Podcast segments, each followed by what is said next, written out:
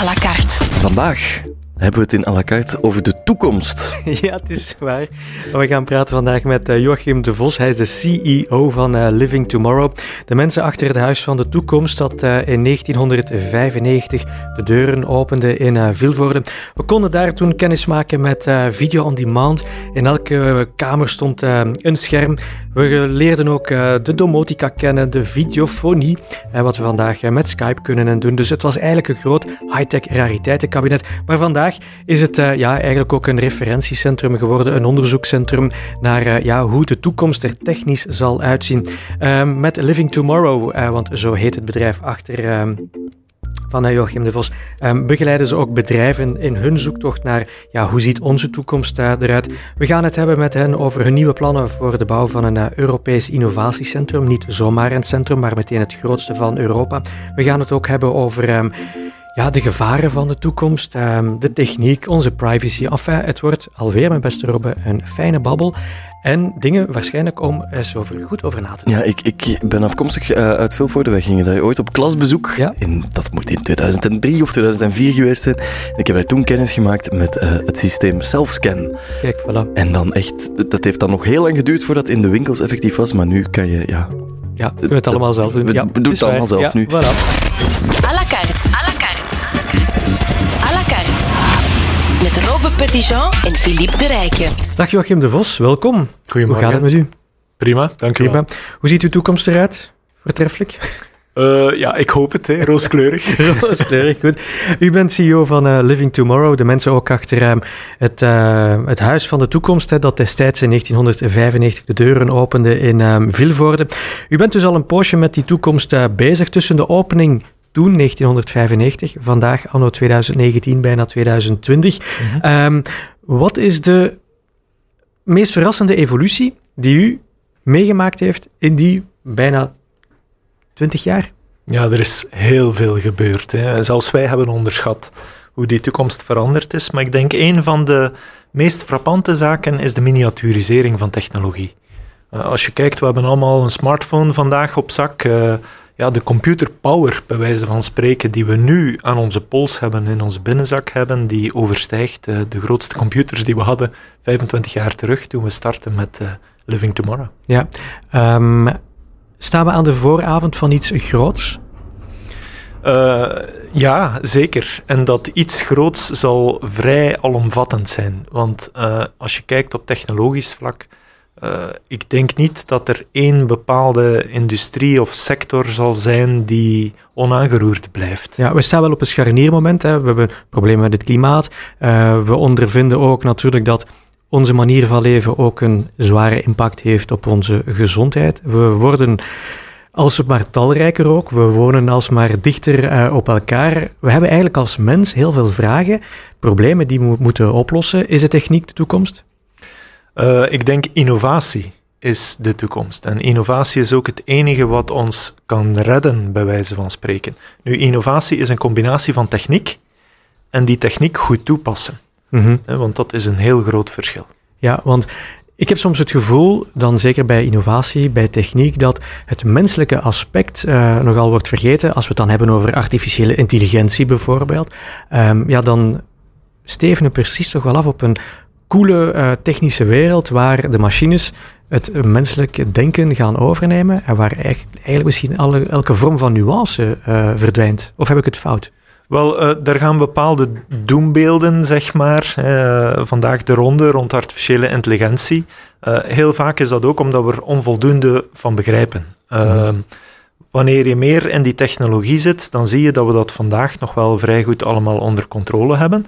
Maar ik wil toch niet uit de weg gaan dat er ethische kaders zullen nodig zijn. En daar moeten we nu aan werken, niet als het te laat is, mm-hmm. om dat in de juiste richting te gaan sturen. Ja, we gaan het daar straks nog over hebben. Dankjewel alvast voor uw komst naar deze studio. Toen uh, Living Tomorrow begon in 95 hadden nog maar een paar uh, lucky few het internet. Niemand had een gsm op zak. Nu lopen tienjarigen rond met een smartphone waarop ze alles kunnen opzoeken. Het is allemaal heel snel gegaan. Ja, jullie willen, mijn beste Joachim de Vos, um, binnenkort uh, van start gaan met de bouw van een 50 meter hoge toren. Daarin willen jullie het grootste Europese innovatiecentrum in onderbrengen. Um, hoe ver staan jullie met die plannen? Ik denk dat we begin volgend jaar er effectief kunnen aan beginnen. uh, tenminste aan het nieuwe gedeelte. We zijn ondertussen al volop gestart. Hè. We zijn al anderhalf jaar bezig met vernieuwingen in het bestaande gebouw omdat technologie natuurlijk niet blijft stilstaan. Nee, het is waar. Nu, uh, een van uh, de zaken die meteen in het oog springen op die 50 meter hoge toren, is dat jullie daar eigenlijk ook een luchthaven voorzien voor drones. Uh, wat voor drones moeten wij ons dan daarbij voorstellen? Ja, uh, het gaat om een proefproject, want we moeten voorzichtig zijn. De wetgeving daar rond bestaat nog niet. Hè. Dus uh, we zijn wel dat idee volledig aan het uitwerken in een proefproject en een, een testomgeving. Eigenlijk moeten we ervan uitgaan dat in de toekomst elektrische drones zullen bestaan die mensen van A naar B brengen zonder dat er nog een piloot bij aanwezig is. Dat is de toekomst. Ja. ja. Maar je moet dan natuurlijk wel rekening gaan houden dat elk toestel wat opstijgt zich moet authenticeren. Wie ben ik? Wie vervoer ik? Mensen moeten ook uiteraard gecheckt zijn wanneer zij uh, in dat uh, vliegtuig, bij wijze van spreken, stappen. Alleen, uh, het gaat veel stiller, die drone, en het gaat ook zonder enige uitstoot. Ja, het is heel futuristisch, moeilijk. Uh, ja, we zien het natuurlijk wel op hele futuristische tekeningen, maar dit is echt, uh, daar wordt nu aan gewerkt. Ja, uh, we zijn laatst op een Europese rondreis geweest met onze voorzitter Herman van Rompuy, met een tiental organisaties erbij, ook vanuit de Belgische overheid en het luchtwezen. En we zijn verschillende partijen gaan bezoeken, onder andere Volocopter, waar effectief zo'n toestel getest wordt. Uh, in Europa is de wetgeving ietsje trager, vandaar dat men naar Singapore gegaan is om die eerste test te gaan uitvoeren en men daar rondgevlogen. Dus als ik u goed begrijp, vliegen wij over een aantal jaren hier in Brussel van punt A naar punt B met een elektrische drone? Uh, uiteraard niet iedereen, hè, want anders ga je de file gewoon ja. in de lucht uh, gaan brengen. Ja. Maar het zal zeker één van de opties zijn. Hè. De toekomst van mobiliteit is trouwens multimodaal, verschillende vormen van mobiliteit. Dat zie je hier al in de stad. Hè. Kijk naar de steps. Ja. Een paar jaar geleden waren die er niet. Ja, vandaag nemen we nog de step. Volgend jaar of over een aantal jaren nemen we de, gewoon de, de drone. Um, Iets helemaal anders. We hebben het vandaag, uh, iedereen heeft de mond vol over uh, smart cities, uh, slimme steden. Wanneer is een stad een smart city? Wel, um, dat is een, een, heel belangrijk element, hè, omdat men dat vaak vergeet. Het gaat niet alleen om technologie. Een stad is een slimme stad wanneer je effectief technologie op de juiste manier inschakelt. Ten eerste om kosten te besparen en dingen efficiënter te laten verlopen. Zoals? Uh, dat is bijvoorbeeld digitaliseren, digitale transformatie van alle processen in het stadhuis. Mm -hmm. Dat is ook bijvoorbeeld parkeren veel eenvoudiger laten verlopen. Um, een tweede element is dat je daar effectief de burger bij gaat betrekken. Dat is die actieve participatie waar we het allemaal over hebben. Mm -hmm. Wanneer je intelligent stadsmeubilair hebt en dergelijke, wanneer je op elke hoek van de straat ook informatie kan opvragen, niet alleen op je smartphone, maar ook via die digitale borden, dan ga je een stap vooruit in de participatie. En een derde element die cruciaal is om een slimme stad te zijn, is dat al die technologie ook quality of life, zeg maar de levenskwaliteit, verbetert. Ja. Dus eigenlijk staat de mens altijd centraal. Ja, de mens staat centraal. Hoe ver staan we ermee in Brussel? Uh, in Brussel heeft men toch al behoorlijke stappen gezet. Hè. Kijk maar naar alles wat rond uh, multimodale uh, mobiliteit gaat. Kijk ook maar naar alles wat met ja, de netwerken, alle apps die aanwezig zijn. Slimme parkings zijn we ook al volop bezig. Uh, je, je, ziet ook in het centrum dat we bepaalde vormen van mobiliteit gaan weren en andere. En je gaat die intelligente sturing... Dat kan allemaal, ja, met die, dankzij intelligente sturing. We hebben daar natuurlijk, vaak, uh, vaak uh, hoor je vaak beter, 5G voor nodig. Dat mhm. wordt hier op dit moment nog altijd niet uitgerold. Is dat een gemiste kans? Wel, um, ehm, 5G is natuurlijk een technologie die cruciaal is om nieuwe technieken zoals uh, al, wat smart cities allemaal willen. Dat zijn die zelfrijdende wagens, dat zijn die dronesystemen, maar ook nieuwe vormen van communicatie, veiligheid en zo verder. Je hebt 5G nodig. Het moet gewoon allemaal real-time kunnen gaan. Vandaag ja. zit er te grote vertraging op en kan je die zaken niet veilig gaan doen. Dus we hebben die techniek nodig. Ja, maar hebben wij bijvoorbeeld zelfrijdende auto's nodig? Wel, uh, ik denk dat wanneer wij in een stad zouden kunnen gaan zeggen dat er geen ongevallen meer gebeuren, dat er geen mensen meer worden aangereden door voertuigen in het algemeen, dat dat een stap vooruit is. Dus waarom zouden we dat dan gaan tegenhouden? Ik onthoud vooral elektrische drones die ons van A naar B brengen. Als er iemand van de MIVB toevallig meeluistert, make it happen. À la carte. Ja? Nee. Joachim de Vos uh, antwoordde gewoon met uh, ja of nee. Het is uh, echt trancheren wat we vragen nu. In Science We Trust.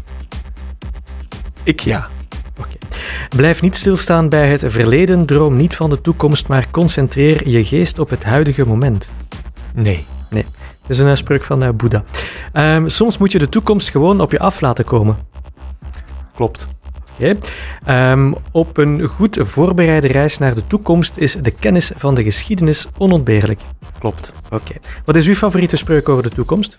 Uh, we cannot create the future.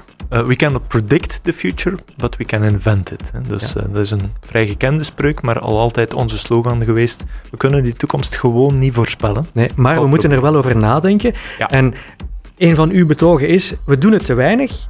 Klopt. Waarom? Hoe komt het dat we te weinig doen? Angst? Wantrouwen? Uh, het, het, is het onbekende. Uh, ik denk dat dat ook hetgeen is wat in die spreuk van Boeddha zit. Die zegt van ja, hou je niet bezig met dingen die je niet kent. Uh, mm-hmm. Focus op vandaag. we moeten net door die gigantische verandering die nooit gezien is in de volledige mensheid, moeten we ons effectief wel gaan focussen op het nadenken over niet alleen morgen, maar ook overmorgen. Um, om toch te gaan nadenken, ja, hoe moeten wij ons gaan voorbereiden erop? Hoe moeten we onze organisaties gaan aanpassen erop? Uh, wat zouden we kunnen doen? Welke skills hebben we nodig? Mm -hmm. uh, dat zijn allemaal zeer belangrijke vragen. Ja, maar hoe pak je dat dan aan? Hè? Uh, als bedrijf, als mens, als organisatie? Mm -hmm. um, ja, je wil natuurlijk zo lang mogelijk mee zijn met, met, met ja, de techniek en zo. Um, hoe pak je dat aan? Denken ja. over de toekomst. Ten eerste gestructureerd. Uh, wij als organisatie begeleiden heel veel uh, overheidsorganisaties, privéorganisaties en dat denken over de toekomst. En wat je al te vaak ziet, is dat men bij die korte termijn blijft, zoals u zegt, maar ook dat soms het nadenken over innovatie, over de toekomst, een vrijdagnamiddagactiviteit is. Ongestructureerd. Je moet dat via een strikt procedure, een strikte manier gaan doen. Wij noemen dat uh, scenario-denken, mm -hmm. um, waar je effectief die toekomstopties in kaart gaat brengen. Ik kan daar een heel concreet voorbeeld van geven hoe wij starten. Wij zijn vooral geïnteresseerd in wat elk van ons de onzekerheid is. Iets waar je eigenlijk van wakker ligt s'nachts. Uh, bijvoorbeeld in het geval, we zijn hier in een heel mooi gebouw, flagé-gebouw. Uh, het gaat hier over omroepen, over media in de toekomst. Als we daar nu over nadenken, dan zou ik aan u bijvoorbeeld vragen: stel dat ik uit de toekomst kom, uit 2030, 2035. En ik weet hoe dat er in die periode zal uitzien, hoe dat ecosysteem in elkaar zit, welke partners, hoe we media consumeren en hoe we media broadcasten. En ik stel u de vraag: of u kan mij één vraag stellen mm -hmm. en ik ga die beantwoorden. Ja, maar het moet maar wel één een heel specifieke vraag zijn. Welke vraag is het dan, mijn beste Joachim? Uh, ja, dat moet, ik kan moeilijk in uw hoofd nee, het is kijken waar, nee. natuurlijk. Nee. Hè? Uh, welke, welk voor u dan de grootste onzekerheid is. Mijn vraag zou zijn, gaan media nog bestaan? Maar ik denk dat het antwoord ja, ja is. Mm -hmm. Alleen, gaan ze nog door mens gemaakt worden of misschien door artificiële intelligentie? Ja, die artificiële intelligentie, daar komen we straks uh, nog even um, op terug.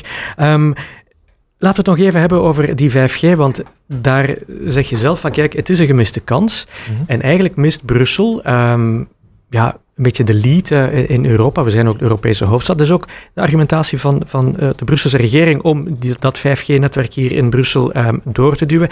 Um, maar ja, het voorzichtigheidsprincipe wordt hier natuurlijk wel toegepast, want we weten nog altijd niet wat de gezondheidsimpact is van uh, die stralingen die we vandaag allemaal hebben in de straat. Um, ja, wat moeten we nu doen? Um, toch dat 5G-netwerk uh, uitbouwen en dan zien wat het wordt? Of...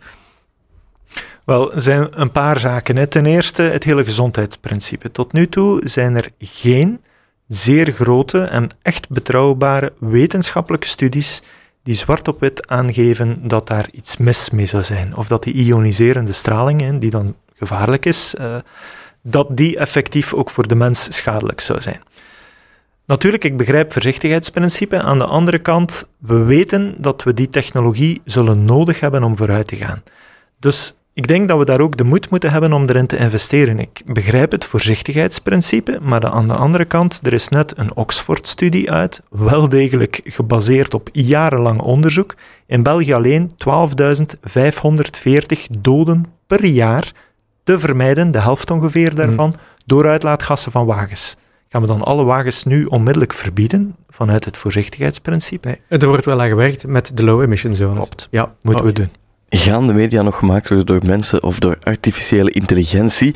Als je nu aan het luisteren bent via de radio, dan kan je dat niet zien. Dan zou je even goed kunnen denken, misschien ben ik al wel een computer. Het kan, hè? Het kan. Joachim de Vos, ik heb een vraag van Bob de Grote. En die gaat als volgt. In welke mate denk je dat de RFID-kaarten of smartcards in de toekomst nog een impact zullen hebben?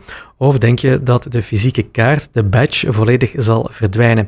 En in welke sectoren denk je dat die smartcards een meerwaarde kunnen bieden? Het is allemaal technisch, maar misschien moeten we eerst zeggen, wat is een RFID-kaart? Een RFID-kaart is zo'n toegangsbadge die je draadloos kan gebruiken. Uh, het wordt ook recenter ingebouwd in betaalkaarten bijvoorbeeld, zodanig dat je niet meer moet iedere keer... Contactless uh, ja, ja, betalen, ja. Goed, oké, okay, maar dus, wat is de toekomst? Gaan we met z'n allen um, een chip ingespoten krijgen om dan de deur van het werk te openen? Ik hoop van niet. Er zijn andere mogelijkheden, maar ik denk wel dat die smartcards uiteindelijk volledig zullen verdwijnen. En ik denk zelfs niet dat dat nog zo lang zal duren. Waarom? Um, ja, het is gewoon iets die we, die we niet bij willen hebben. En het is ook iets die niet 100% veilig is. Als ik hier zou een toegangskaart hebben om het Flagey-gebouw binnen te komen, draadloos, ik verlies die. Ja, iemand anders neemt die kaart en komt gewoon binnen. Ja, dezelfde technologie bij de bankkaarten. Inderdaad, dus uh, men noemt dat dan NFC, Near Field Communication, dus communicatie dichtbij. Um, maar ook daar, uh, ja, ik kan het lachen niet onderdrukken. Mm -hmm. uh, dat is eigenlijk al ouderwetse technologie. wat, doe je, wat doen we vandaag? Je gaat met een kaartje betalen. Alles boven 25 euro moet je toch je pincode ingeven, omdat het gewoon niet veilig is. Mm -hmm. Als je kijkt naar de alternatieven op de smartphone, Apple Pay en andere die er vandaag zijn, Google Pay, die zijn veel vlotter. En die gebruiken biometrie om je te herkennen. Ja, de biometrie.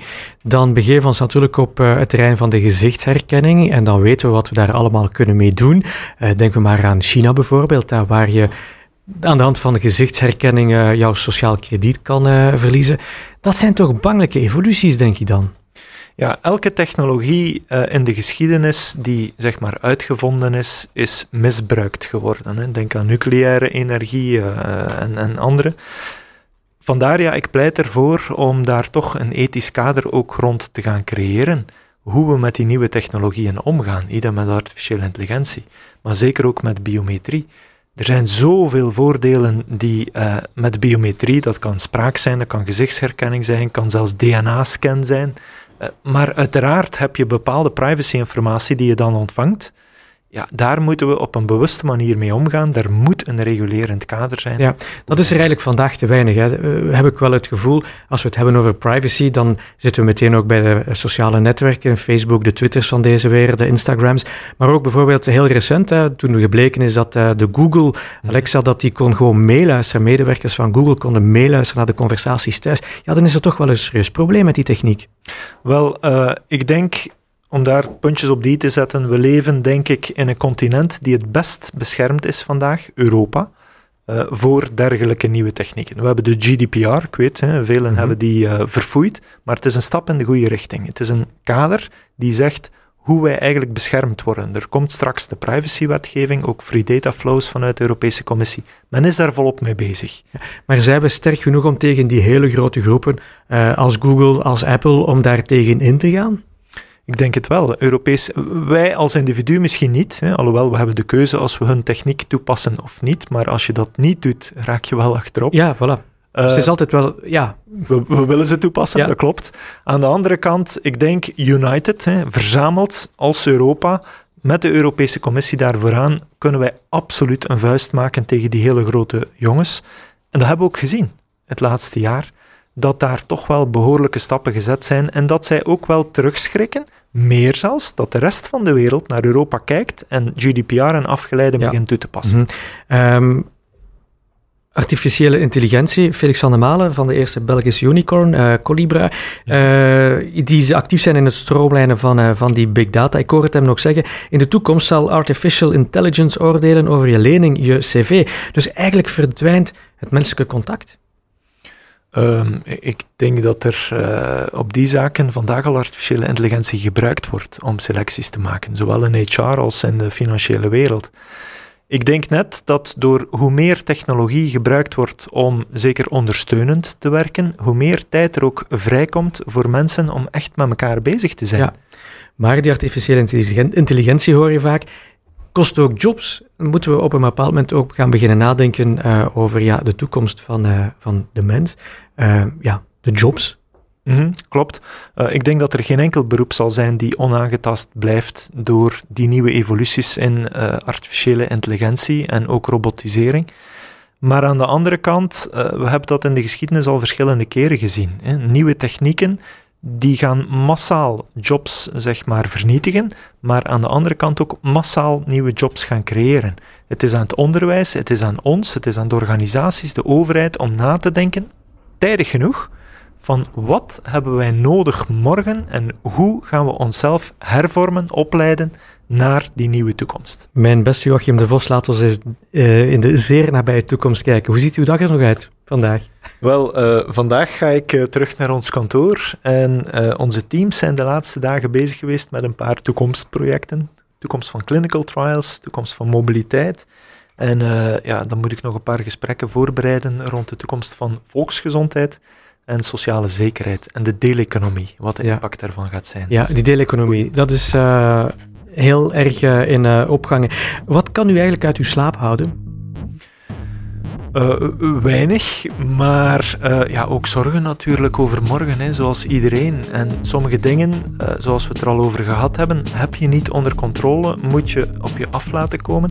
En dat doen we niet graag. Je probeert controle te houden over bepaalde zaken. En dat is steeds moeilijker. Ja, maar de toekomst blijft boeiend. Absoluut. En spannend. Absoluut. Oké, okay, goed. Joachim de Vos, dank u wel voor dit hele fijne gesprek.